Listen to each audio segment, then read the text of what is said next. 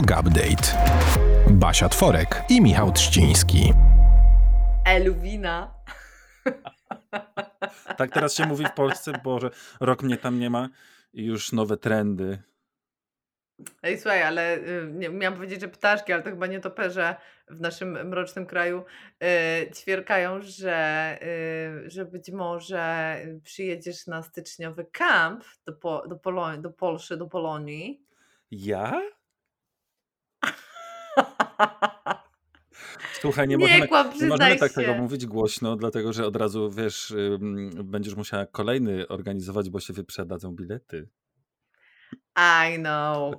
Y, Bo trzcina to jest taki, miałam powiedzieć, że pussy magnet, ale jak to powiedzieć? Ani pussy, ani kok. Kok. Yogi, jo- yogis magnet po prostu, kurde, nie wiem jak to powiedzieć. I, I teraz pojadę na Company i, i teraz pojadę na ten kamp i będziemy sami. Ty i ja, ale wiesz co, musimy nagrać To będzie odcinek twój mąż. Wiesz, A no tak, Irena, no, no. to będziemy mieli przynajmniej w czasy i będziecie mieli wrażenie, że jesteście z dwójką dzieci. Albo ej, ja mogę być nianią Baby Jody przecież. Jestem, a, Nie, nie, ja super z dzieciakami, więc chętnie. Ty nie będziesz nianią i ja nie będę nianią, będziemy sobie jogować, tak jest plan i nie zabieraj mi tego. Dobrze. Czy ja dobrze kojarzę, że na tym, na tym kampie będzie też Marta Mizera jako gość specjalny? Tak, nasza dyżurna pani psycholog, psychoterapeutka Marta Mizera będzie prowadzić warsztaty self-love, więc wszystko się zgadza na początek roku jak w masełko. Tak. I, a już niedługo to tak Ej, mega propos się też. cieszę. A już niedługo nasza rozmowa z Martą Mizerą na tym kanale się również pojawi jeszcze w tym sezonie. Tak, w tym sezonie, tak, w tym sezonie Marta też będzie, ale ja chciałam Ci powiedzieć, że się mega cieszę, że się zobaczymy w końcu i uścisk uściskamy. No ja też się cieszę.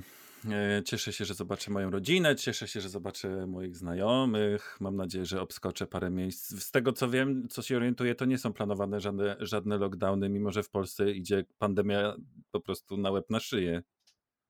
Nie, ponieważ również inflacja idzie na łeb nasz.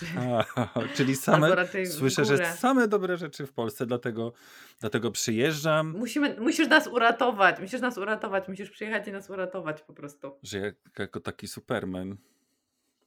No, Super trzcina. super trzcina. Słuchaj, nie wiem, czy udźwignę e, taką odpowiedzialność, żeby e, Polskę ratować. No, ale może coś umyślimy na tym kampie. Kiedy to jest jeszcze raz? Jest. 3-6 stycznia, prawda? O, jaki ty jesteś mądrzejszy ode mnie. Oh To my jest na God, ale pewno w okolicy 6 pizgać. stycznia. Boże, jak będzie Aha. zimno. Ale Uff. może przyjadą trzej królowie. Bo to jest weekend trzech króli. No na- na pewno jedna No, królowa przyjeżdża, więc już y, mamy tylko dwie do o- ogarnięcia. Zagospodarowania tak, mówiąc o tym, o tym zimnie, wiecie, wjechaliśmy już y, dosyć mocno tutaj w Hiszpanii w y, sezon grzewczy. Czy ja mogę pokazać mój kaloryfer? Ostatnio już też mówiliśmy o ogrzewaniu. Ja mogę wam nawet pokazać mój kaloryfer i nie będę piękny. ruszał przy tym y, komputera. Jezu, myślałam, że koszulkę podniesiesz do góry. Tak, ja mogę wam pokazać mój kaloryfer. To jest mój kaloryfer. Raz, dwa, trzy, cztery. No na pewno nie sześciopak. Więc. A e, nie ma ośmiu szczebelków przypadkiem? się dzieje? Nie. e, Raz, dwa, trzy, cztery, pięć, sześć, siedem. Baśka, osiem. Ośmiopak. Mam, oś, mam, mam kaloryfer. Osiem, osiem gwiazdek, osiem szczebelków, trzcina wraca do Tak. Polski. Tylko muszę jeszcze poszukać, e, jak to było, kresa biała. Muszę tego, muszę tego. A nie, ty a propos PiSu w ogóle, weź, ty o pakach, Widzisz. ja o PiSie, o, o ośmiu Ech, no, ja chyba ze względu na przyjazd tak już, wiesz, po prostu wypieram, y, żeby, żeby na przykład nie zawrócić w Zgorzelcu, bo będę jechał samochodem. Em, Nie, ale, musimy- ale, ale, widzisz. A propos, a propos takich, y, że tak powiem, pisowskich jazd i tego, co się w Polsce dzieje, to, ponieważ ja słynę z mojej nienawiści do, do Polski, przeplatanej po prostu wbijanymi szpilami i złośliwością, bo tak sobie w życiu z tym radzę. Ostatnio znalazłem w internecie E, Akurat w formie audiobooka, ale e, chciałbym to też i chyba sobie sprawię, e, albo właściwie to sprawię innym ludziom na na święta w ramach prezentu. Otóż jest książka, która nazywa się Całkiem Zwyczajny Kraj. Autorem jest Brian Porter Schutz, czyli nie Polak. Jest to historia Polski bez martyrologii. Na razie y, jestem na, w sensie słucham początkowych rozdziałów, dopiero, dopiero znalazłem tę książkę, ale już i we wstępie, i w tych pierwszych y, rozdziałach tam ten pan Brian, czyli tak bardzo popularne w Polsce imię polskie, staropolskie. Brianek. Brianku, y, nasz Brianek z Ameryki. Świetnie po prostu rozprawia się z tym, jakby z tym tylko i wyłącznie martyrologicznym spojrzeniem co mi również, na, na Polskę, co mi również pomaga, ponieważ ja tej martyrologii po prostu nie przyjmuję, nie akceptuję i czuję się nią obklejony i jakby także muszę się przedzierać przez, przez to gówno. Ale szczerze mówiąc, to liczę na to, że ta książka pozwoli mi jakoś, nie wiem, po prostu spojrzeć w pozytywną stronę Polski, bo y, mamy, jak, jak wszyscy wiemy, mamy i negatywną, i pozytywną stronę. Jesteśmy, i wiesz, im, im bardziej o tym myślę, tym bardziej po prostu przypomina mi się i utwierdza, w sensie, no, utwierdzam się w przekonaniu, to nie jest nawet moje przekonanie, tylko fakt autentyczny, że no, jesteśmy jednak po środku i to zawsze tak będzie i zawsze będzie pół na pół pewnie Niestety. No w każdym razie tak z takich poleceń, bo dawno nie było o książkach, to właśnie Brianek napisał książkę o tym, że jednak nie musimy tylko e, w martyrologię brnąć, a jednocześnie, bo widzisz też bardzo często, okej, okay, nie będę wchodził wielce w ten temat, ale mam wrażenie, że taką, taką receptą na to, żeby nie oszaleć w Polsce często jest to, że po prostu nie wiedzieć, a ja na przykład nie jestem fanem takiego rozwiązania, dlatego że ja lubię wiedzieć i to jest też. Przestałem się też siłować z tym, żeby nie wiedzieć na siłę, bo jednak to gdzieś tam, no wiesz, no ja tam z wykształcenia niby socjolog, niby trochę dziennikarz, coś tam różne. Więc tak jakoś to, jest, to też nie jest dla mnie naturalne, żeby nie wiedzieć, ale może dzięki tej książce pana Brianka y, po prostu w inny sposób na to wszystko spojrzę i nie osiwieję, mimo że jest ich kilka siwych już teraz. Mam od słońca, widzisz, y, rozjaśniły mi się włosy, więc mam nadzieję, że moja siwizna nie y, będzie przebijała. No i nie oszaleję, kiedy w Polsce będę. Amen. Ej, wspaniała polecanka. Może nawet po nią y, sięgnę. Mm, y, to jest oczywiście pan, pan, pan wykładowca, um, nie pamiętam teraz y, którego uniwersytetu, chyba Berkeley, ale a nie, nie, nie, być może nie, nie chcę mieszać. Więc takie też, wiesz, świetnie, mm, wiem, że ty lubisz takie rzeczy, które są poparte nauką i badaniami i uniwersytetem. Chociaż muszę ci powiedzieć, że chciałam najpierw sięgnąć po tą książkę o Śląsku, bo słyszałam, że jest bardzo dobra. Y, też słyszałem, że jest bardzo dobra. E, kurczę, jak ona się nazywała? I nasz ziomeczek z jogi, Grzesiu Piątek, napisał też fantastyczną książkę tak. o Warszawie. No nasz ziomeczek z jogi, ale to już tak dawno temu było Grzegorzu. Pozdrawiamy, wracaj. wracaj. Na to było po prostu twoje wzdechy i oddechy były najlepsze. One by nam się tutaj przydały jako ilustracja do dzisiejszego odcinka, by my tu gadu gadu o Polsce, o kaloryferach, o kampie, a tak naprawdę zebraliśmy się tutaj po to, żeby wysłuchać czegoś po prostu super ekstra ciekawego. Bo dzisiaj rozmawiamy o oddechu, a naszą gościnią będzie Sandra Osipiuk, którą y, na pewno polubicie od pierwszego usłyszenia i od pierwszego wejrzenia. Y, opowiem Wam dużo bardzo, bardzo, bardzo mądrych rzeczy o oddychaniu, mądrych i potrzebnych, takich, które od razu już w trakcie słuchania tego odcinka będziemy mogli y, włożyć w ciało i wykorzystać Wdrażać. i sobie przećwiczyć. Więc proponuję małą przerwę na siku. Tak, ale, ale tutaj zanim nam wyjdziemy... do naszych drzwi. Już puka do mych drzwi. No to chociaż może mały dżingielek, że, ale... Znaczy, że wiem, że przyjeżdżam do Polski, że zaczynam śpiewać piosenki religijne. no. Albo tak, bo ty w takim dobrym momencie, bo na święta to sobie pośpiewasz. No tak, ja przecież tylko na pasterkę przyjeżdżam. No. Ale czekaj, bo przed tym dżingielkiem naszym jeszcze wspaniałym chciałam podziękować naszemu cudownemu sponsorowi Naturative. Kochani, dziękujemy Wam za to, że jesteście, że wspieracie To, Yoga Update to nie jest wspieracie nasze piękno. To nie jest jakby touch up na Zoomie, czyli taka funkcja, która na Zoomie jest. Mamy to wyłączone, to te kosmetyki. Oraz ćwiczenia z Martą Nadratowską w stanie skupienia Szczęśliwe plecy.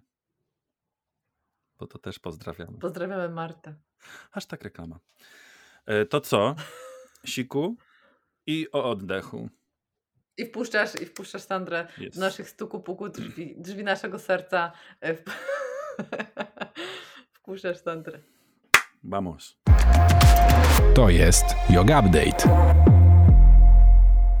Słuchajcie, kochani, bardzo długo czekałam na ten odcinek, yy, ponieważ naszą gościnią jest dzisiaj Sandra Osipiu, którą yy, pamiętam, pamiętam jak dziś, yy, jak Sandra odkryłam Cię na Instagramie, byłam wtedy w ciąży z Baby Jodą i chyba położna Iza Dębińska coś zaszerowała, jak, jak, jak, co- coś mądrego od Ciebie. Oczywiście potem się okazało, że są same mądre treści u Ciebie, ale właśnie czym prędzej e, czym prędzej zajrzałam i no już, nie, już po prostu nie mogłam przestać scrollować. Wszystkie karuzele prze, y, przerobiłam i, i odkryłam Twojego TEDa, który jest, który jest też fantastycznym wprowadzeniem do y, oddychania, więc bardzo, bardzo, bardzo się cieszę, że dzisiaj zgodziłaś się z nami spotkać tutaj w Yoga Update'cie. Moi drodzy, przedstawiamy Wam Sandrę Osipiuk, specjalistkę od oddechu, fizjoterapeutkę, która w pandemii totalnie, totalnie nas ratowała y, oddechowo, wydając kilka fantastycznych e-booków. Jeżeli nie znacie, to koniecznie, koniecznie zerknijcie na y, Sandry stronę. Podlinkujemy na YouTubie. PL. Tak, tak, tak, tak, jest. E, Sandra, wiem o tym, z TEDa, wiem, twojego, że e, e, pisałaś swoją pracę e, magisterską, swoje badania prowadziłaś e, mm, odnośnie tego, jak oddech wpływa na, e, na postawę ciała. I to jest taki Tak. temat, który naszych słuchaczy na pewno na maksa, oczywiście jest jakby milion tematów, ale tak sobie pomyślałam, że będę, że będę sobie dawkować te pytania, bo chciałam Cię zapytać o milion rzeczy, i, a nie chciałam tak skakać. I sobie pomyślałam, że, że w sumie jako, jako nauczycielka jogi, e, której elementem też są ćwiczenia oddechowe i pranayama e, i dużo się tam mówi o połączeniu oddechu z, umy, z umysłem, natomiast y, mm, w, w, jakby w praktyce asan bardzo dużo się mówi o synchronizacji ruchu z oddechem, natomiast praktycznie nie ma tutaj mowy o y, tym, jak oddech wpływa na, y, na samą postawę ciała, na naszą codzienność, na bóle pleców. I, I dlatego wydaje mi się, że to jest taki super y, temat. Do tego, No mnie się zawsze, zacząć. Zobaczymy, przepraszam, przepraszam, że ci się wetnę, ale to może ja dodam od siebie moje trzy grosze laika, e, albo nie od strony właśnie nauczyciela, tylko od strony ucznia, między innymi Baśki. Mnie się oddech e, i z nim praca kojarzy bardziej z tym, żeby nas uspokajać mentalnie, e, również e, właśnie w czasie jogi. Dlatego, e, zresztą nie tylko w czasie jogi, bo właśnie chyba jeszcze bardziej jestem w stanie gdzieś tam e, to zaaplikować poza, poza matą, ale e, to spojrzenie na to, jak oddech może wpływać na naszą fizyczność, tym bardziej mnie e, też interesuje. E, To ja powiem teraz dzień dobry do wszystkich. I, i, bardzo, I bardzo też się cieszę, że tutaj jestem. I hmm, dużo rzeczy zaczęliście mówić, więc teraz e, ok, włączam sobie stoper i teraz ja będę mówić. E, Więc jeżeli chodzi o oddech, to rzeczywiście gdzieś też moim celem chyba było oderwanie tego oddechu od tych funkcji mentalnych, bo to gdzieś intuicyjnie wiedzą wszyscy, albo nawet jeżeli się w ogóle ktoś nie interesuje w jakikolwiek sposób relaksacją, medytacją, to wie, że jeżeli jestem w stresie, to mam oddychać głęboko i się uspokoić. Generalnie takie przesłanie to myślę, że każdy zna. A gdzieś tam ja jako fizjoterapeuta przede wszystkim potrzebowałam oddechu właśnie od postawy ciała. I to był mój punkt wyjścia. I mi tak naprawdę zależało najbardziej na tym, żeby innych też uświadomić, że oddech to nie jest tylko ta cała grupa ćwiczeń mentalnych, ale to też jest takie działanie prozdrowotne i właśnie działanie wspierające postawę ciała. I jako fizjoterapeuta najbardziej tego potrzebowałam. Tak mi się wydawało, bo obecnie na tyle głęboko siedzę w ogóle w stresie, e, czy nawet właśnie w psychosomatyce, że się okazuje, że nie da się pracować z ciałem w oderwaniu e, od tych funkcji mentalnych, więc wszystko się wspaniale uzupełnia i, i pokrywa. I ten oddech e, Myślę, że w pracy praktycznie każdej osoby, która pracuje z drugim człowiekiem, czy to jako instruktor jogi, e, pilatesu, czy jako trener personalny, czy jako fizjoterapeutka, fizjoterapeuta, fizjoterapeuta uroginekologiczny, wszędzie, wszędzie ten oddech e, jest, bo po prostu jest to coś, co się wydarza przy dobrych wiatrach 14 razy na minutę w życiu każdego człowieka. Także nie da się oderwać pracy z drugim człowiekiem od oddechu. I tutaj e, najwspanialsza w tym wszystkim jest przypona, bo przypona koordynuje tak naprawdę wszystkie te e, filary oddychania, czyli te mentalne, te takie bardziej biochemiczne i właśnie e, działanie takie na postawę ciała. Więc tutaj ja powiem tak, ja na jodze się nie znam za bardzo, pranayamy kojarzę, ja nie jestem człowiekiem jogowym. Zresztą kiedyś Basia, gdybyś mnie wzięła do rąk, to byś wiedziała o co chodzi. pewnie. Jestem dosyć, e, jestem e, takim e, człowiekiem, który jest hipermobilny, a jest bardzo taki sztywny i w ogóle nieskoordynowany. To jest bardzo ciekawy przypadek. U, nie I... takie się widziało na lekcjach. Nie takie się widziało. Więc tak, ja myślę, że jestem w jakiejś pozie, a wcale w niej nie jestem, ale rzeczywiście gdzieś ta yoga jest taka najbardziej popularna. I rzeczywiście ten oddech e, dzięki jodze, ja uważam, że to bardzo super, e, przedostał się do takiego mainstreamu, że ludzie zaczęli zwracać uwagę, ale rzeczywiście w jodze to głównie się chyba mówi o takim uzupełnieniu e, poprzez te techniki, prawda, pranayamy tego, co robicie, tych innych asan, ale też e, im więcej zaczęłam szkolić ludzi, bo, bo właściwie ja się teraz tylko tym zajmuję, im więcej spotkałam instruktorów jogi, tym więcej też zaczęłam się uczyć na temat tego i nie do końca też jest tak, że to jest tylko uspokajanie się w trakcie ćwiczeń, ale też są osoby, które już gdzieś tam e, stosują ten oddech jako stabilizację, tak? że już e, łączymy to, tę pracę przypony ze stabilizacją, która jest bardzo potrzebna przy utrzymaniu tych różnych dziwnych pozycji, które są e, w trakcie robienia asan. I rzeczywiście tutaj z takich bardziej popularnych metod, które głównie na tym bazują, jeżeli chodzi o oddech, to jest chyba Pilates. Tam bardzo dużo się oddycha właśnie tym torem takim dolnożebrowym z aktywacją mięśni brzucha, właśnie po to, żeby ten kor złapać. E, I to właśnie wspiera przyponę. I nawet jak yoga może nie zamierzała tego robić, to dokładnie też to robi.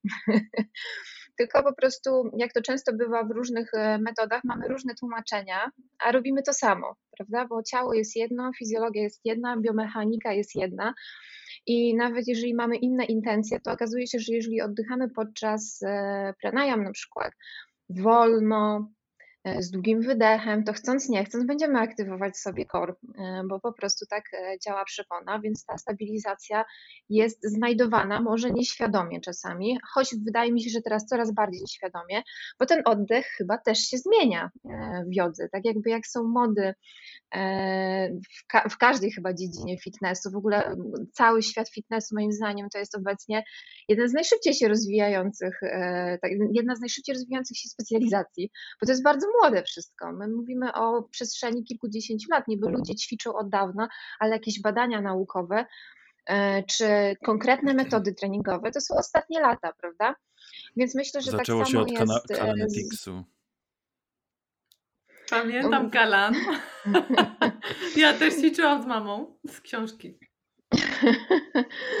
Więc właśnie to jest tak, że różne, różne były fale, prawda? Różne, różne rzeczy do nas trafiały z tym fitnessem. E, I tak samo myślę, że było z jogą, mm, że yoga gdzieś tam w, w swoich takich, ta, ta najbardziej podstawowa yoga też miała swoje założenia i to potem się zmieniało w zależności od tego, w jakim, o jakiej części świata nawet mówimy, gdzie ta yoga była praktykowana, o jakich instruktorach, jacy, jacy mieli oni doświadczenie. I tutaj też e, na przykład dla mnie taką e, ciekawostką było, bo ja bardzo długo wiązałam oddychanie w trakcie jogi z takim właśnie przede wszystkim tym hiperwentylacyjnym oddechem, z wydechem przez usta, z oddychaniem przez usta, bo są takie, prawda, niektóre pranayamy, E, ja jako laik, tak, gdzieś to w ten sposób widziałam. A dla mnie zaskoczeniem było, jak jedna z moich takich znajomych instruktorek jogi powiedziała, że w takich tych pierwszych, nie wiem, transkryptach, czy to się tak nazywa, na temat jogi, to oddech był tylko przez nos, no nie? I że dopiero to potem się zaczęło zmieniać. I e, czasami w ogóle tak ktoś ze mną rozmawia i mówi, że no podczas ćwiczeń, czy podczas ćwiczeń jogi, no to wdech nosem, wydech ustami. Ja się zawsze pytam, no ale dlaczego?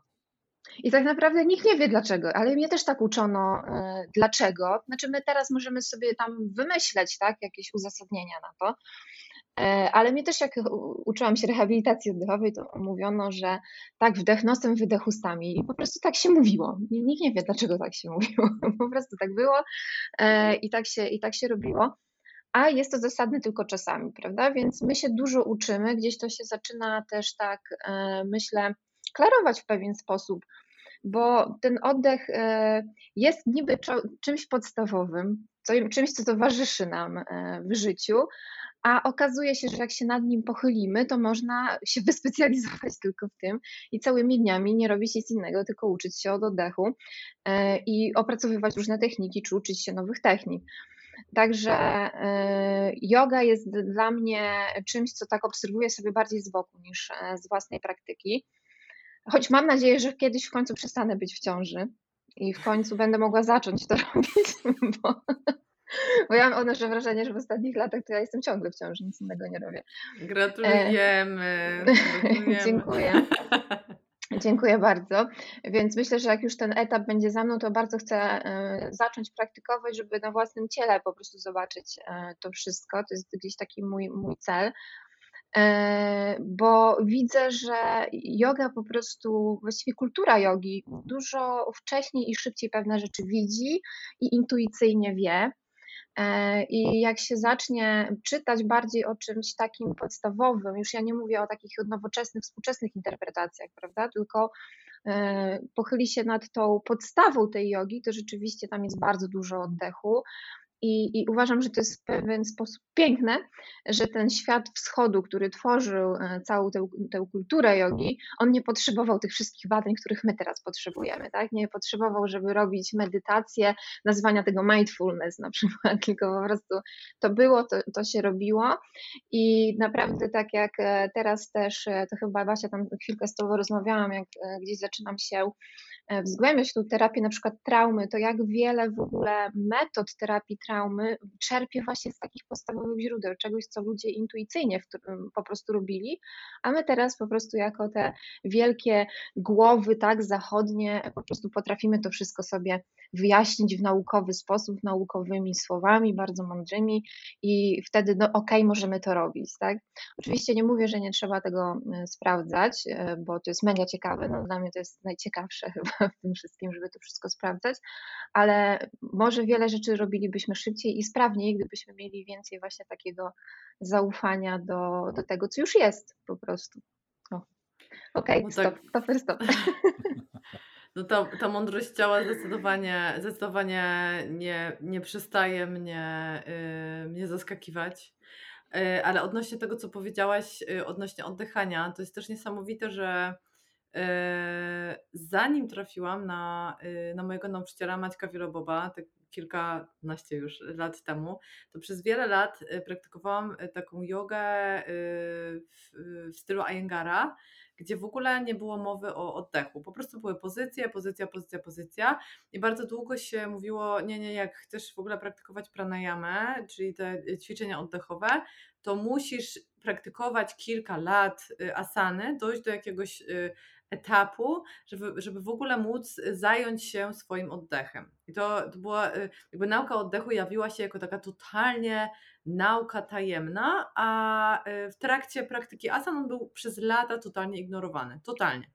E, ja jako osoba, która y, jest asymetryczna, która całe życie boryka się z, jakby z, z wyzwaniem odnośnie asymetrii w ogóle, na przykład jak wchodzę do pozycji, to, to każdą z nich robię trochę inaczej. Mm, I starająca się wpisać w tę, w tę foremkę, także na obie strony musi być idealnie i z, taką, z takim wojskowym sznytem i z tym takim poczuciem, że ciągle jestem niewystarczająca. Y, wiele razy przechodziłam takie załamania, w których miałam poczucie, że yoga jest bez sensu, robiłam sobie krzywdę, yy, odpuszczałam. Yy, I podczas takiego jednego z takich wielu załamań na tej ścieżce jogi trafiłam właśnie do, do Maćka Wielaboba, który praktykuje w metodzie Vinyasa Krama i nagle usłyszałam pierwszy raz w życiu, że to oddech jest najważniejszy. Że to oddech cię ma prowadzić przez pozycję. Że to synchronizacja ruchu z oddechem jest, yy, jest podstawą yy, jakby pracy z ciałem i, i też synchronizacji jakby układu nerwowego naszego, jakby y, może przyjmowania kontroli w jakimś tam stopniu nad układem nerwowym. Mało tego, usłyszałam pierwszy raz, że y, wdech powinien trwać w takim idealnym, w takiej idealnej opcji 4-6 sekund wdech, 4-6 sekund wydech, zawsze nosem. Wszystko ma być bardzo powolne. Te ruchy mają być właśnie mm, nie tylko synchronizowane, ale też właśnie powolne, tak jak oddech ma być powolny.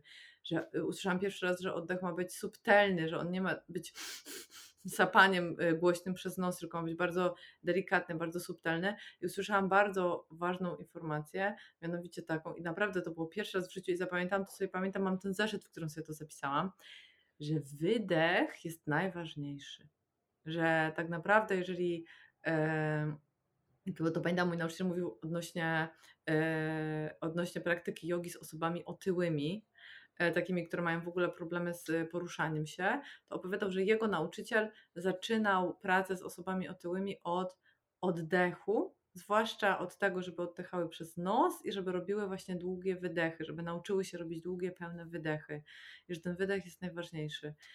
E, jak czytam teraz książki o oddechu, jak, jak czytam Twoje e-booki, jak zaglądam sobie do Ciebie na Instagram, to jakby teraz to mi się rozjaśnia, ale wtedy to dla mnie było takie what? Przecież oczywiste jest, że musimy robić wdechy, że to wdech jest tym najważniejszym, że musimy się natleniać, że musimy dotleniać krew, że musimy jak najwięcej tego tlenu mieć e, we krwi, żeby być zdrowymi. I teraz e, Sandra chciałabym, żebyś skonfrontowała się nas, wszystkich słuchaczy trochę z tym mitem tego, że musimy tak robić takie wielkie wdechy i skupiać się na wdechach i mieć tak bardzo dużo tego tlenu we, we krwi. E, tak, oczywiście się pod tym wszystkim podpisuję bardzo. E, ja też jestem e, wielką fanką wydechu. I trudno, jeżeli zna się biochemię i fizjologię, nie być fan, fanem tak, wydechu, bo rzeczywiście ten wydech jest czymś, co powiedzmy stabilizuje nam ten oddech. I myślę, że to, że wcześniej my łączyliśmy wdech po prostu z tym, że to jest coś ważniejsze, to jest zwyczajnie to, że e, popularnie najważniejszy jest tlen. No i tutaj w sumie trudno jest się nie zgodzić, że bez tego tlenu rzeczywiście byśmy nie żyli. No tylko, że zawsze się mówi o tym, że mamy dostarczać do organizmu tlen, ale też mamy usuwać nadmiar dwutlenku węgla. No i tutaj te, to słowo nadmiar jest kluczowe, bo to nie znaczy, że całkowicie, tak? E, zresztą gdzieś tam się miesza to e, myślenie na temat e, CO2 z zanieczyszczeniami powietrza i myślimy, że CO2 to jest po prostu zbędny produkt przemiany materii i tyle. A w momencie, kiedy zgłębimy się w bardzo prostą fizjologię tak naprawdę, czyli w wymianę gazową, czyli coś, co utrzymuje nas przy życiu, to musimy mieć tak dostarczanie tlenu, usuwanie nadmiaru dwutlenku węgla, ale ten dwutlenek węgla też musi być na takim poziomie, żeby ten tlen w ogóle z krwi mógł dotrzeć do wszystkich naszych komórek. To nie jest tak, że jeżeli tego dwutlenku węgla kompletnie nie będzie, to my będziemy dotlenieni. Jest równowaga kwasowo-zasadowa, jest homeostaza czyli utrzymywanie w ogóle równowagi naszego ciała, utrzymanie pH naszego ciała w odpowiednim punkcie wymaga obecności również dwutlenku węgla. I jeżeli my nie będziemy oddychać wolno, spokojnie, z długim wydechem, to będziemy się hiperwentylować. I zawsze tutaj mówię, że wystarczy sobie przypomnieć ostatnią imprezę, na której się pompowało dużo balonów i co się wtedy dzieje z naszą głową, tak? Najczęściej e, ktoś mówi, że ale się natleniłem, aż mi się kręci w głowie. No, to jest zupełnie odwrotnie, tak? Ktoś się tak nie dotlenił, że się kręci w głowie, bo jeżeli my pompujemy bardzo dużo balonów, czyli robimy dużo tych dużych wydechów, to zwyczajnie tracimy ten CO2, zwężają nam się naczynia krwionośne, które dostarczają krew do mózgu i zwyczajnie tej, tej krwi w mózgu nawet jest trochę mniej, więc się zaczynają robić jakieś kręcenie e, tak w głowie, mroczki przed oczami. Wchodzimy w tak zwaną zasadowicę oddechową. Co jest w pewnych momentach życia jest nawet zagrożeniem życia, tak? Tutaj, jeżeli ktoś kiedykolwiek, e, nawet czy oglądał jakiś serial medyczny, nie wiem, na dobre i na złe, czy, czy Hausa, no to popularny teraz, no ja niestety po kilku odcinkach y, przestałam oglądać, może kiedyś wrócę, to wiadomo, że ta gazometria jest sprawdzana na oddziałach intensywnej terapii i wszyscy pilnują, żeby ta gazometria, czyli to y, tlen, CO2, żeby to wszystko było jak na najlepszym poziomie, żeby nie wchodzić w kwasicę czy w zasadowicę, bo to jest bezpośrednie zagrożenie życia. Oczywiście jak będziemy pompować dużo balonów, no to nikłe są szanse, że coś nam się stanie, nie jesteśmy aż tak wrażliwymi y, strukturami, które które po prostu padną, ale zemdleć można, tak?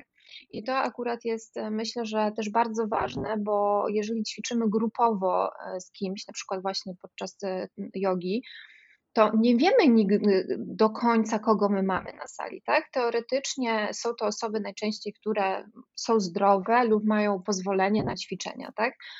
A jest tak, że mogą być to na przykład osoby, które wybrały jogę, bo mają problemy z bardzo silnym stresem. I takie osoby mogą na przykład odczuwać tak silny niepokój, że czasami wchodzą w ataki paniki. Niestety zdarzają im się takie sytuacje. Więc jeżeli my taką osobę przehiperwentylujemy ćwiczeniami z silnym oddechem, z takim sapaniem wręcz, bo różne są techniki pranayamy, to my możemy u tej osoby wywołać hiperwentylację, która bezpośrednio przyczyni się do ataku paniki podczas na przykład naszych zajęć. Więc e, jakby nieznajomość e, tego może przysporzyć nam i naszym e, współćwiczącym jakichś problemów, prawda? Więc myślę, że bardzo dobrze, że to zaczęło się robić coraz bardziej popularne. Wydaje mi się, że właśnie w jodze to było gdzieś od dawien dawna, e, ale ten może taki współczesny świat gdzieś zaczął interpretować na swój sposób pewne rzeczy. E, tak jak teraz, tak Basia mówiłaś, że może były jakieś e, sytuacje, gdzie w ogóle ten oddech był nieważny, tak? Że się w ogóle o tym zapominano.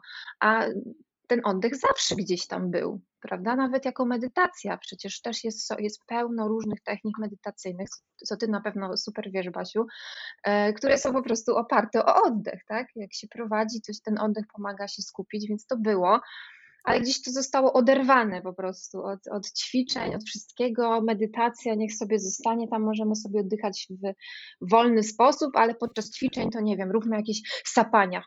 I w dodatku medytacja się y, przynajmniej, tak ja to oceniam, przez długi, długi czas kojarzyła z czymś dosyć, nawet bym powiedział, egzaltowanym y, i no, on se medytuje i w ogóle.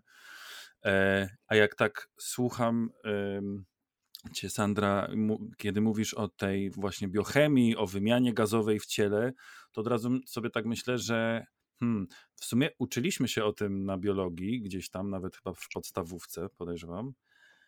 I, ale nikt nigdy nie, nie dodał tego, ani nie było, jakby od razu mi się wjeżdża taka myśl, że powinno być jakby następną, następną lekcją po tej, bio, po, po tej lekcji o biogazie, nazwijmy to, powinna być lekcja oddychania, jak w ogóle tym, jak to powiedzieć, zawiadywać, jak w ogóle to robić, bo to, że się dowiedzieliśmy, że to jest, no to spoko, ale e, jak się nie dowiadujesz, dlaczego e, w ogóle, jakby co można z tym zrobić, no to trochę, trochę bez sensu, bo taka połowa informacji to rzadko kiedy nam cokolwiek da. Bo mam wrażenie, że to jest połowa informacji dopiero. Właśnie chciałam wam coś powiedzieć, że miałam przez y, dosłownie rok w podstawówce panią y, od biologii takiej starej daty, była dosłownie chwilę przed przejściem na emeryturę i była jedyną nauczycielką w szkole, która kazała nam w połowie lekcji wstawać, otwierać okna na oścież i przeciągać się i ćwiczyła z nami. I tak sobie myślę, że w ogóle wszyscy wtedy, oczywiście wiadomo, nastolatki, byliśmy totalnie niechętni tym e, rozwiązaniom, e, ale i wszyscy się czuli, że to takie jest e, cringe'owe. Ale to, teraz sobie myślę, że po prostu dokładnie to samo, jak prowadziłam czasem wykłady gdzieś ze studentami, to samo po prostu staram się robić też, bo bo teraz się, się do tego wraca i teraz widzimy, jakie to jest mądre. I myślę sobie, że właśnie ta biolożka, która znała jakieś podstawy tej fizjologii oddychania, kumała, że właśnie potrzebujemy po prostu tej przerwy, żeby lepiej chłonąć, chłonąć informacje. No ale dobra, bo To by było super zadanie domowe.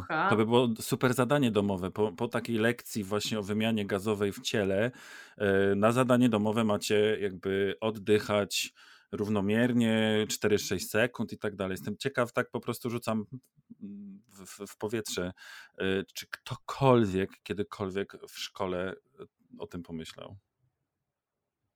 No właśnie ja teraz, bo ja myślę, że sobie wiele osób nas słucha i teraz padło kilka super ważnych y, rzeczy. Y, sformułowanie oddech dolnożebrowy, które może nie każdy kojarzy, nie każdy zna. E, dlaczego trzeba oddychać przez nos na przykład? tak, przepona, o właśnie. E, dlaczego trzeba oddychać przez nos? Ja myślę sobie, że nasi słuchacze mogą też myśleć, okej, okay, dobra, źle oddycham, albo wcale nie oddycham. Skąd mam wiedzieć, jak oddychać prawidłowo? I oczywiście część z Was od, odsyłamy totalnie do TEDa, na którym wystąpiła Sandra, bo tam Sandra dużo rzeczy mówiła, ale teraz Sandra chciałabym, żebyś spróbowała nam chociaż kilka tych takich ważnych rzeczy yy, powiedzieć. Tak, i tutaj e, myślę, że właśnie fakt e, w ogóle edukacji gdzieś, mm, można byłoby pewnie oddzielny odcinek podcastu nagrać na ten temat, ale rzeczywiście my pewną wiedzę mamy przekazywaną i wiemy, no ale potem co z nią zrobić, tak? No i rzeczywiście co zrobić z tym, że mamy mieć sprawną wymianę gazową, jak, jak to osiągnąć? No i właśnie tutaj się kłania nam e, przypona, oddychanie przez nos. No i jeszcze tutaj padło to piękne sformułowanie 4 do 6, bo to jest idealne też, idealne tempo oddychania, czyli takie wolne tempo oddychania. I jeżeli my oddychamy wdech, wydech nosem na co dzień, tak? Bo tutaj uprośćmy sobie myślenie na ten temat i że mówimy o takim codziennym oddechu. Jeżeli my oddychamy przez nos, to ten oddech od razu będzie wolniejszy, ta wymiana gazowa będzie zachodziła sprawniej, bo to też jest węższa droga oddechowa, więc jest większe ciśnienie, więc te, te gazy są wtłaczane w nasze pęcherzyki płucne po prostu z większym ciśnieniem, więc jakby sprawniej zachodzi ta wymiana gazowa. I w drugą stronę też wolniej oddychamy, więc możemy dłużej e, absorbować też ten dwutlenek węgla, więc nie wchodzimy w hiperwentylację. Oddychanie nosem w ogóle je, stanowi też taką naszą pierwszą linię obrony przed wirusami, przed bakteriami, nawilża nam, grzewa powietrze.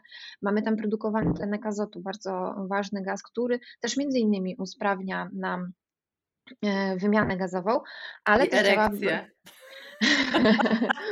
tutaj, e, tutaj e, bezpośrednio z reakcją jest innego rodzaju, z innych miejsc pochodzi ten tlenek azotu, ale rzeczywiście badania nam pokazują, że osoby, które mają problemy z oddychaniem e, przez nos, mają też problemy z osiąganiem erekcji. Tu nie mówimy tylko o mężczyznach, bo kobiety też mają erekcję, tak? Więc tu rzeczywiście to oddychanie nosem wpływa na wiele aspektów ale to jest też na jakby szeroki bardzo temat. I też w momencie, jak my oddychamy nosem, to nasza przypona musi wykonywać jakoby większą pracę, więc mówi się o tym, że e, oddychanie nosem toruje nam pracę przypony więc przepona zaczyna się efektywniej kurczyć. I właśnie jeżeli ona się efektywnie kurczy w pełnym swoim zakresie ruchomości, bo tak jak każdy mięsień, ona ma swój zakres ruchomości. Jak wszyscy wiemy, że nie jest fajnie mieć przykurczone mięśnie kulszowo-goleniowe, tak samo dobrze jest mieć e, przyponę, która się w pełnym e, zakresie rusza i to właśnie będzie powodowało, że te dolne żebra będą nam się rozchylały na wdechu i schodziły do dołu na wydechu w kierunku 360 stopni, bo to też się czasami zapominamy, że my jesteśmy trójwymiarem, nie jesteśmy e, rysunkami na kartce, jesteśmy w trójwymiarze i nasze płuca też wypełniają naszą całą klatkę piersiową w trójwymiarze z boku, z tyłu, tak, z przodu, więc w momencie jak przepona, która poławia, powiedzmy, nasze tułowie tak, na dwie części, ona się kurczy, to ona się też kurczy, robi to w trójwymiarze. Ona się przyczepia do naszej klatki piersiowej, przyczepia się do kręgosłupa i to połączenie jest bardzo ważne właśnie ze względu na przykład na utrzymywanie postawy ciała. I gdy ona się kurczy, to my się wypełniamy powietrzem w całości, tak? Nie gdzieś tutaj, nie tylko z przodu za mostkiem, tylko wszędzie. To, to powietrze idzie do pleców, to powietrze idzie właśnie przede wszystkim do dolnych żeber, bo tam jest przepona. I e, tutaj e, zawsze też mi się od razu pojawia takie pytanie w głowie, bo uczymy się popularnie oddychać do brzucha, prawda? Co też ma swoje zastosowania, ale to mówimy tak o tym oddechu takim spokojnym. I ja się zawsze pytam, to gdzie mamy płuca? W brzuchu czy w klatce piersiowej? No i wszyscy, no oczywiście, że w klatce piersiowej. No i potem nagle jest taka chwila konsternacji, to dlaczego wypinam brzuch, jak, jak oddycham, tak? Czemu mam myśleć o tym? E, I rzeczywiście wtedy, jak mówię, że płuca mamy w klatce piersiowej i to klatka piersiowa ma nam się poszerzać podczas oddechu, to łatwiej jest zrozumieć, o co chodzi w tym oddychaniu dolnożebrowym, bo to sprawi, że po prostu nasza cała klatka piersiowa się wypełni tym powietrzem. Oczywiście brzuch też się nam trochę uniesie, ale to nie chodzi o to, żeby pompować powietrze do brzucha. Tak, tylko żeby właśnie ta klatka piersiowa zwiększała swój wymiar. I to też jest prosta fizyka. Jak się zwiększa powierzchnia e, klatki piersiowej, to spada tam ciśnienie, więc jeżeli mamy gdzieś niższe ciśnienie, to wyższe ciśnienie, które jest na zewnątrz, po prostu jest wtłaczane. I, i tak to działa, nie przeskoczymy fizyki, e, więc dlatego to oddychanie dolnożebrowe chcemy, żeby nam się w ciele pojawiało i najlepiej samoistnie. No i tutaj e, takim e, dużym problemem jest e, obecny styl życia, który jest bardzo przede wszystkim jest to stresu, stresujące życie obecnie, ale też jest bardzo dużo bodźców, bo stresorem też jest światło, stresorem jest dźwięk, stresorem jest brak ruchu. I myślę, że ja osobiście, jak patrzę na moich pacjentów, których miałam, to największym problemem jest to, że my się nie ruszamy po prostu, albo ruszamy się dużo mniej. I przez to dochodzi do zaburzeń też mechanicznych w naszym ciele. Też nasz układ nerwowy zaczyna mieć problemy z tym balansem. I ten balans e, między układem współczulnym a przywspółczulnym, są to części układu autonomicznego, który działa poza naszą kontrolą, no to zaczyna po prostu być jakąś dysfunkcją, na przykład na stronę tą współczulną. I właśnie ten oddech 4-6, 4 na wdech, 6 na wydech, czyli tempo, które da nam takie 6 oddechów na minutę, sprawia, że ten balans zaczyna być najbardziej zrównoważony. I w tym momencie e, jakby te części dwie, współczulna odpowiedzialna za takie pobudzenie, aktywność, walcz, uciekaj i część przysłuczulna za regenerację, za trawienie, za taki relaksik, odbudowę, one są właśnie w równowadze, bo nie możemy być po żadnej stronie, bo tak samo jak nie chcemy być ciągle zestresowani, to tak ciągle nie chcemy być tacy ospali, tak? Więc my musimy być w tym balansie. I ten wolny oddech też nam pozwala to robić i oddech przyponowy właśnie, pozwala nam oddychać wolniej. A im oddychamy wolniej, może nie im, ale właśnie mniej więcej na tym poziomie 6 oddechów na minutę, to zachodzi najefektywniej wymiana gazowa. Więc wszystko się sprowadza do e, wymiany gazowej. To, że my będziemy oddychać szybko, to, że my będziemy oddychać e, głębokimi, wielkimi oddechami, wcale nie sprawi, że my się bardziej dotlenimy. My wręcz możemy się nie dotlenić, bo organizm jakoby nie zdąży zaprowadzić tej efektywnej wymiany gazowej. Dlatego taki zdrowy oddech to jest oddech ten przyponowy, oddech przez nos i właśnie wolny. I może to wszystko brzmi skomplikowanie, ale wbrew pozorom to jest bardzo proste. Wystarczy usiąść na podłodze, położyć sobie ręce na tych dolnych żebrach, skupić się na tym, żeby ten ruch oddechowy pochodził z tego miejsca i oddychać sobie powolutku przez nos. To jest Yoga Update. I teraz założę się po prostu, że u wielu osób się uruchamia lampka. Oh my god, jak nie wiem, co mam zrobić, jak biegam na przykład, oddycham przez nos, jak wchodzę po scho- przez usta, jak wchodzę po schodach, mam zadyszki. E, to ja no, jak biegasz i tak przez usta, to kolkę za chwilkę dostaniesz. No, okej, okay, dobra, dostaniesz kolkę, ale dla wielu osób, wiesz, na przykład y, wielokrotnie słyszałam od moich y, ziomeczków, którzy, nie wiem, jakieś Ironmany robią, nie, nie, jak będą dychać przez nos, to się pogorszą moje wyniki, bo ja przez nos to nie ubiegnę tyle. Y, więc teraz chciałabym trochę skonfrontować to. Plus, oczywiście, na pewno jakby dru, druga grupa osób, które się odezwą, to, to powiedzą, no ale przecież są takie pranajamy, że się oddycha, że się oddycha przez usta i co? Wtedy to znaczy, że te pranayamy są dla nas złe albo szkodliwe. Więc teraz y, Sandra oddaję Ci głos. tej, w tych dwóch sprawach, sportowców, tak, którzy mają zadyszkę. I, I to jest temat rzeka, tak naprawdę. Bo rzeczywiście ci twoi znajomi, którzy mówią, że im się pogorszył wyniki, to mają rację, bo jeżeli oni cały czas oddychali przez usta, to rzeczywiście to, żeby oni się w ogóle przestawili, wymaga nakładu pracy, no bo wszystko wymaga jakby nauki, tak? Takiej adaptacji do, do tego, co e, my robimy z naszym ciałem. Ciało musi się przyzwyczaić. I rzeczywiście e, mniej więcej 6 tygodni trwa przyzwyczajenie się do nowej drogi oddechu. I wyobraźcie sobie, że ktoś I najczęściej, jeżeli ktoś biega Ironmany, no to ma bardzo dobrą wydolność. Mówmy się, to, to są jacyś sposób chyba nadludzie, supermeni, bo to są ogromne obciążenia na ciało i rzeczywiście mają dobrą wydolność, ale może mogliby mieć lepszą.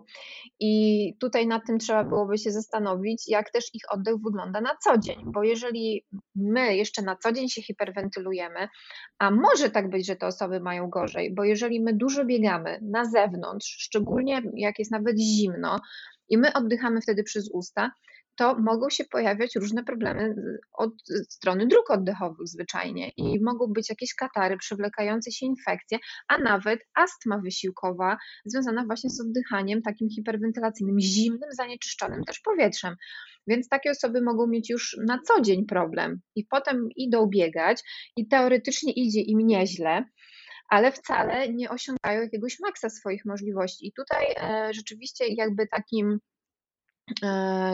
taką radą, którą można tym osobom dać przede wszystkim, to jest najpierw zobaczyć, jak ten oddech wygląda na co dzień i czy nie ma takich cech hiperwentylacji, czyli takiego ciężkiego oddechu, e, szybkiego, właśnie w codziennych, spokojnych sytuacjach.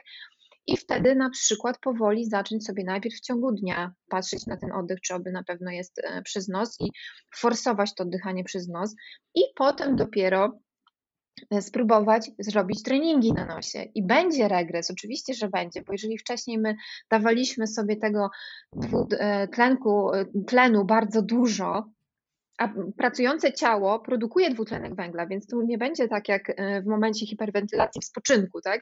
Więc my nie zemdlejemy prawdopodobnie z tego, ale mięśnie i układ nerwowy szybciej się zmęczą. Więc jeżeli my chcemy przesunąć tę granicę odczuwania zmęczenia i duszności, to rzeczywiście forsowanie oddechu przez nos może być korzystne, no tylko że nie zrobimy tego z dnia na dzień. Tego trzeba się nauczyć. No i właśnie badania pokazują, że mniej więcej 6 tygodni e, potrzeba, żeby to zrobić. I jeżeli nasz oddech taki na co dzień się zmieni, że już nie będzie cech hiperwentylacji, nie będzie cech jakichś tam takich infekcji też dróg oddechowych, czy nawet tej astmy, to można oddychać przez usta w którymś momencie wysiłku zacząć tak oddychać, tak? To wtedy można i wtedy to nie zaburzy naszej tej homeostazy i, i, równowagi, która jest utrzymywana naturalnie przez ciało. Ale jeżeli to się dzieje za wcześnie, bo nasze ośrodki oddechowe, nasz organizm nie potrafi sobie poradzić z takim obciążeniem, no to automatycznie te wyniki sportowe są gorsze. Nawet jak one są wciąż dobre, no to czemu nie być jeszcze lepszym, jeżeli ktoś chyba po to się trenuje, tak? Takie Ironmany, tak mi się wydaje przynajmniej, że jakiś się cel w tym ma, tak? E, a jeżeli chodzi o niektóre techniki takie pranayamy, to oczywiście takie oddychanie przez nos może być swego rodzaju, e, przez, przepraszam, przez usta, może być e, bodźcem. Może być bodźcem, który ma nas pobudzić, bo są też nam potrzebne czasami techniki takie bardziej pobudzające. Mówi się o takiej kawie, tak, w postaci oddechu i one też mogą być korzystne. Jest trochę też e, technik nawet oddechowych w ogóle opartych o hiperwentylację, która wybija nas z tej równowagi, po to, żeby potem organizm szybko tą równowagę nauczył się przywracać. No ale to nie są techniki e, na, dla każdego przede wszystkim i na takie stosowanie na co dzień, tylko raczej już w konkretnym celu.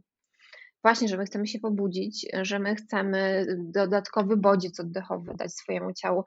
No, ja to zawsze porównuję do czegoś takiego. Jeżeli ja idę na siłownię i zaczynam dopiero trenować i chcę, żeby mi urosły mięśnie, no to nie wezmę sobie najpierw 15 kg na biceps, tylko najpierw wezmę dwa. I a takie ćwiczenie z oddechem hiperwentylacyjnym jest właśnie takimi 15 kg. I czy każdy jest na to gotowy? Ktoś może zrobi parę powtórzeń, ale czy parę powtórzeń to jest wystarczająco? Czy wtedy się nie pojawią jakieś kompensacje w naszym ciele? pod tym względem to my już potrafimy myśleć, tak, że trzeba do treningu podchodzić ostrożnie, a oddech jest wciąż chyba e, traktowany tak troszeczkę, że przecież to jest tylko oddychanie, no to co, no to zrobię sobie 30 hiperwentylacyjnych oddechów, potem sobie wstrzymam powietrze na 3 minuty i potem jeszcze wskoczę do zimnej wody. No łatwe, nie? Więc no, wbrew pozorom takie nie jest łatwe i trzeba raczej unikać e, tego. Wszystko wymaga progresji, wszystko wymaga nauki i tak samo jest z oddechem. Więc jeżeli my nawet nie wiemy, jak wygląda nasz oddech, no to ciężko jest się rzucać na głęboką wodę, jeszcze na przykład na lodowatą głęboką wodę. Więc tutaj naprawdę trzeba podejść do tego mądrze, tak jak z każdym innym treningiem. Nikt nie przyjdzie na jogę dla zaawansowanych na pierwsze zajęcia i tak samo się nie powinno rzucać na techniki dla zaawansowanych, jeżeli chodzi o oddech. E, fantastyczne, arcymądre słowa. I ja tylko chciałam tutaj dodać, że jakbyście chcieli się uczyć oddychania od podstaw, to mega polecam kursy Sandry, mega polecam. E, przepracowane na sobie. E, I e, chciałam Cię jeszcze tylko zapytać, Sandra, odnośnie jednej kwestii. Mianowicie, czy mogłabyś nam troszkę przybliżyć, czym różni się zatrzymanie oddechu po wdechu od zatrzymania oddechu po wydechu? Dla naszego no układu nerwowego, tak. dla naszej, naszej też chemii, biochemii. Tak, to właśnie jest y, związane z tym cały czas dwutlenkiem węgla, bo okazuje się, że jeżeli my zatrzymujemy y, oddech po wdechu, to nie dochodzi do zmian y, w stężeniu dwutlenku węgla, który jest nam rzeczywiście potrzebny do tego, żeby trenować te ośrodki oddechowe, bo głównym naszym bodźcem oddechowym, jeżeli chodzi o ośrodki, centralne ośrodki oddechowe, takie, które mamy w rdzeniu przedłużonym, one sobie działają automatycznie, one reagują właśnie głównie na dwutlenek węgla. Jeżeli my to zrobimy po wdechu, to po prostu nie gromadzi się w takim stopniu ten dwutlenek węgla, żeby coś tam się zadziało, tak to prościej mówiąc, i nie dochodzi do zmian takich w tej równowadze kwasowo-zasadowej. A po wydechu już rzeczywiście się tak dzieje, choć myślę, że warto na pewno jest powiedzieć, że my do końca nie wiemy też, też na jakich, na jakich mechanizmach to się dzieje, bo to się dzieje jakby już i teraz to jest bardzo ciężko w ogóle nawet zbadać. Te, to zachodzi cały czas, jakby ta wymiana gazowa, więc tutaj do końca my tego nie wiemy, jak to na poziomie biochemicznym wygląda. Ale kolejna sprawa jest taka, że wydech jest związany z bardziej z pobudzaniem tego układu przywspółczulnego. Rzeczywiście, kiedy my robimy wdech, E, nasze serce się powiększa, przez to, że przypona jakby nie jest też takim tworem oderwanym od naszego ciała, ona jest powięziowo połączona ze wszystkimi tkankami, które też są wyżej i między innymi obniżenie przypony sprawia, że nam się serce powiększa. Jeżeli serce nam się powiększa, to się wtłacza tam więcej krwi, no i nasze ciało wie, że jesteśmy w fazie wdechu, jest ten tlen w naszym ciele, więc teraz trzeba szybko rozprowadzić, szybko trzeba rozprowadzić ten tlen po całym ciele. Więc serce przyspiesza, a przyspieszenie pracy serca jest właśnie też takim impulsem dla naszego układu współczulnego, czyli tego odpowiedzialnego za pobudzenie. A z kolei wydech działa kompletnie odwrotnie. Mówi się też o pobudzaniu nerwu błędnego poprzez wydech, czyli takie wyciszanie, uspokajanie ciała i przenoszenie tej równowagi na tą część przywspółczulną. Także e, wydech niesie z sobą więcej takiego też spokoju, ale też bodźcowania dla, dla naszego ciała. No i oczywiście e, tutaj e, też nie chodzi o to, żeby wstrzymywać ten oddech na maksa, tak? Bo to też nie, nie do końca jest tak, bo tutaj te. E, to nie jest konkurs. Nie jest konkurs na to, ile my jesteśmy w stanie wytrzymać bez powietrza. Wpływa bardzo dużo rzeczy. Oprócz naszej jakby samej odporności na ten gromadzący się dwutlenek węgla, czyli znowu ten podstawowy bodziec oddechowy, to też te funkcje nasze mentalne. Jeżeli ktoś jest w przewlekłym stresie, mm, w dużym niepokoju, może poczuć taki dyskomfort związany z zgromadzeniem tego dwutlenku węgla i zwyczajnie może odpuścić psychicznie. Nawet może ośrodki oddechowe jeszcze by trochę wytrwały, ale psychicznie już musi odpuścić, bo czuje zbyt wielki niepokój. I to nie o to chodzi, tak? Chodzi o to, żeby ćwiczyć w pewnym dyskomforcie nawet te bezdechy, ale wciąż, żeby one nie wywoływały w nas, w nas dużego stresu. I tutaj e, znowu ja jestem bardzo ostrożna, jeżeli chodzi o treningi oddechowe i uważam, że powinno się bardzo łagodnie w tym ćwiczyć. Jest bardzo dużo metod, które czy nawet technik, które są oparte o wolny, spokojny oddech, o krótkie wstrzymanie oddechu, które też będą nam trenować te ośrodki oddechowe. I dopiero jeżeli my już na tym poziomie ogarniemy zarządzanie tymi gazami, to wtedy można spróbować robić te bezdechy dłuższe, tak? Można spróbować też tak samo z pracy z taką hiperwentylacją, bo wtedy wiemy, że nasze ciało potrafi sobie z tym po prostu poradzić. Ta odporność psychiczna i odporność fizyczna jest po prostu wtedy lepsza. Także e, tu myślę, że tak jak zawsze, do wszystkiego trzeba po prostu podchodzić sobie z głową i, i spokojem. I tak samo jest właśnie z tymi bezdechami. Wow, cały super, czas oddycham. super. Tutaj. Ja też sobie liczę. A, a propos liczenia jeszcze mam w takim razie e, pytanie, ponieważ na początku e, wspomniałaś, że przy dobrych wiatrach to jest e, czter, 14 mm, oddechów na minutę. Rozumiem, że jeżeli to będzie 12 albo 16, to też gdzieś tam jest, e, jest ok. Czy w takim razie możemy sobie powiedzmy taki pierwszy krok w kierunku jakiegoś takiego zdiagnozowania, czy w ogóle dobrze oddychamy, czy albo na przykład sprawdzania w jakich sytuacjach, e, w jaki sposób oddychamy. I to może być nasza jakaś miara, e, kiedy na przykład m, wiesz, coś się dzieje i czujemy, że okej, okay, to jest 30 mi wleciało właśnie w tym momencie, i to znaczy, że trzeba się trochę uspokoić. Czy dobrze rozumie- E, rozumuję? Tak, no mniej więcej generalnie, jeżeli chodzi o tą częstotliwość oddychania, to też nie jest najbardziej idealny, niestety, nie jest najbardziej idealny parametr, bo oddech oddechowi nierówny, no nie? Więc też mm, najważniejsze, żebyśmy patrzyli takie oddechy spokojne, naturalne, regularne. To rzeczywiście sobie można policzyć. Teraz to na szczęście przy obecnym rozwoju techniki bardzo dużo też smartwatchy e, mierzy nam tą liczbę oddechów na minutę i wtedy mamy jakby przekrój z całego dnia, miesiąca i widzimy, ile średnio wykonujemy oddechów. I mówi się, że takie prawidłowe oddechy to jest mniej więcej o tak od 12 do 18, ale naprawdę tutaj w sumie jaki, jakie źródło nie weźmiemy, to trochę jest to inaczej. Na pewno nie chcemy, żeby to było powyżej 20 oddechów na minutę. Jeżeli my w spoczynku mamy powyżej 20 oddechów na minutę, to nie jest dobrze. To rzeczywiście jest jakieś wskazanie, że z jakiegoś powodu się hiperwentylujemy. E, Jeżeli jeszcze do tego dochodzą jakieś objawy, e, że się źle czujemy, czujemy silną duszność, to prawdopodobnie skończymy na sorze, tak? Przy, takim, e, przy takiej liczbie 20-24 oddechów na minutę możemy skończyć po prostu w szpitalu. Także to na pewno warto jest monitorować, też korelując z objawami, czyli właśnie duszność, taki szybki, gwałtowny oddech, niemożność wzięcia oddechu, jakieś bóle w klatce piersiowej, to na pewno od razu trzeba zasięgnąć porady, dlaczego, dlaczego tak jest. Chciałam zapytać, ale Mhm. nie chciałam przerywać, e, bo myślę sobie, że jest y, też wiele osób, które y, ma odwrotny problem albo pytanie, e, czyli kontaktuje się ze swoim oddechem, na przykład w trakcie naszej, znaczy teraz jak już gadamy, to już na 100% wszyscy pięknie oddychają, to jest na 100%, ale, e, ale ktoś czasem na przykład robi sobie taki szybki body scan w pracy i mówi tak, o kurwa, nie oddycham, ja nie oddycham, prawie to co się wtedy dzieje? Bo to nie jest możliwe, że nie oddycha, ale rzeczywiście wtedy nie pracuje y, na przykład trzepona, prawda? Co się wtedy dzieje, kiedy taka osoba się łapie na tym, że w cudzysłowie nie oddycha? Tak, często w stresie, ale też przy obciążeniu takim poznawczym, to, czyli przy Mhm. jakichś intensywnych intelektualnych zadaniach, bo najczęściej się łapiemy na przykład, że y, przyjmujemy nową tak, asanę, to tak często słyszy i ktoś nie oddycha i wtedy nauczyciel mówi nie zapominajcie oddychać, albo wykonujemy jakieś zadania na komputerze i wtedy też ktoś e, przestaje oddychać wchodzi w takie te bezdechy.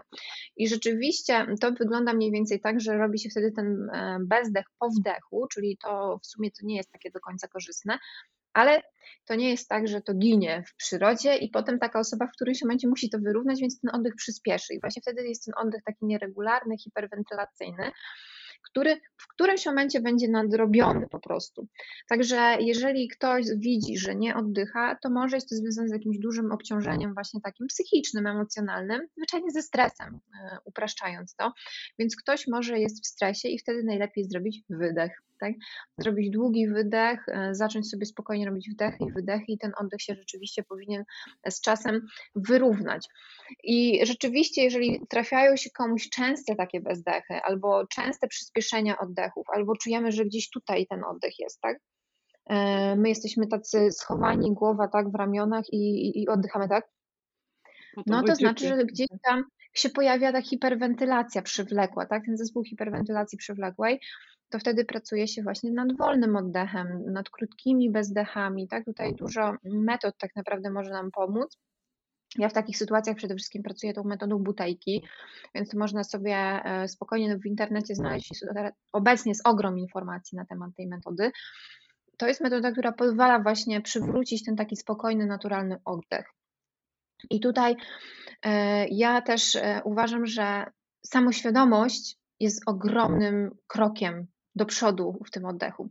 Jeżeli ktoś już zaobserwuje, że ma takie sytuacje bezdechów, no to to już jest super, bo ty zaczniesz zwracać na to uwagę. Jak zaczniesz na to zwracać uwagę, to już wtedy wiesz, mam bezdech, to zrobię wydech, zrobię spokojny wydech, długi wydech.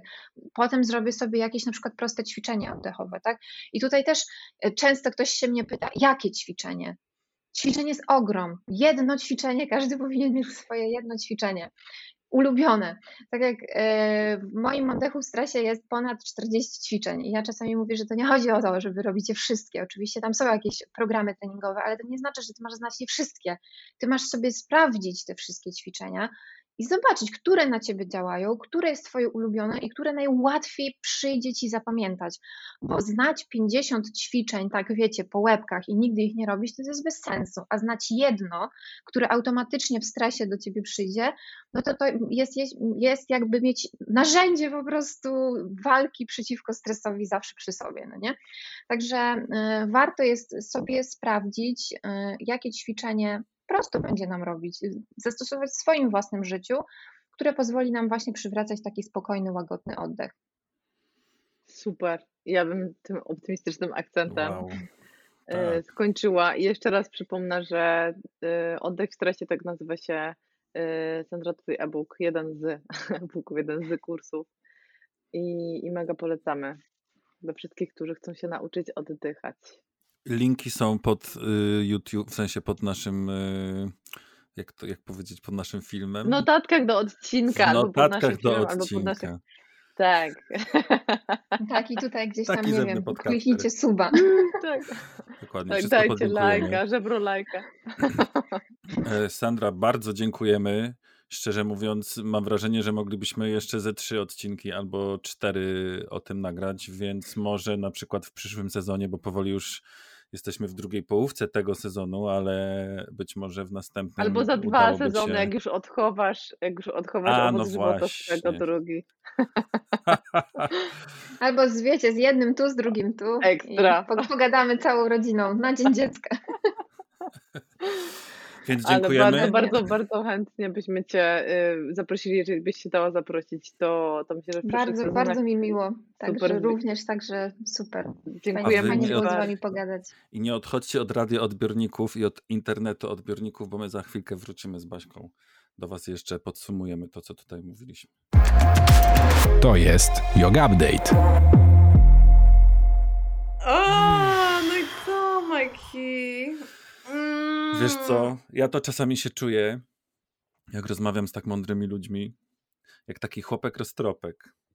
Wiesz, jak taki trochę, że, że mnie to wszystko zaskakuje i w zasadzie nawet gdzieś tam coś słyszałem, tą jogę sobie robię, coś tam, ale jak ktoś mi to potem wyłoży, tak jak nam wyłoży, wyłożyła to dzisiejsza nasza gościni, to szczynę po prostu zbieram z podłogi i y, mam wrażenie, że jeszcze w życiu o tym nic nie słyszałem i to są wszystko nowe wiadomości dla mnie. Sandra jest wspaniała, ale chciałam przypomnieć Ci, mój drogi, że to Ty mi podesłałeś y, wywiad z Jamesem Nestorem i link do książki Breath, która obecnie jest przetłumaczona jako oddech, oddech chyba po prostu oddech. Mhm. Czekaj, aż muszę to wygooglować, ale chyba oddech po prostu.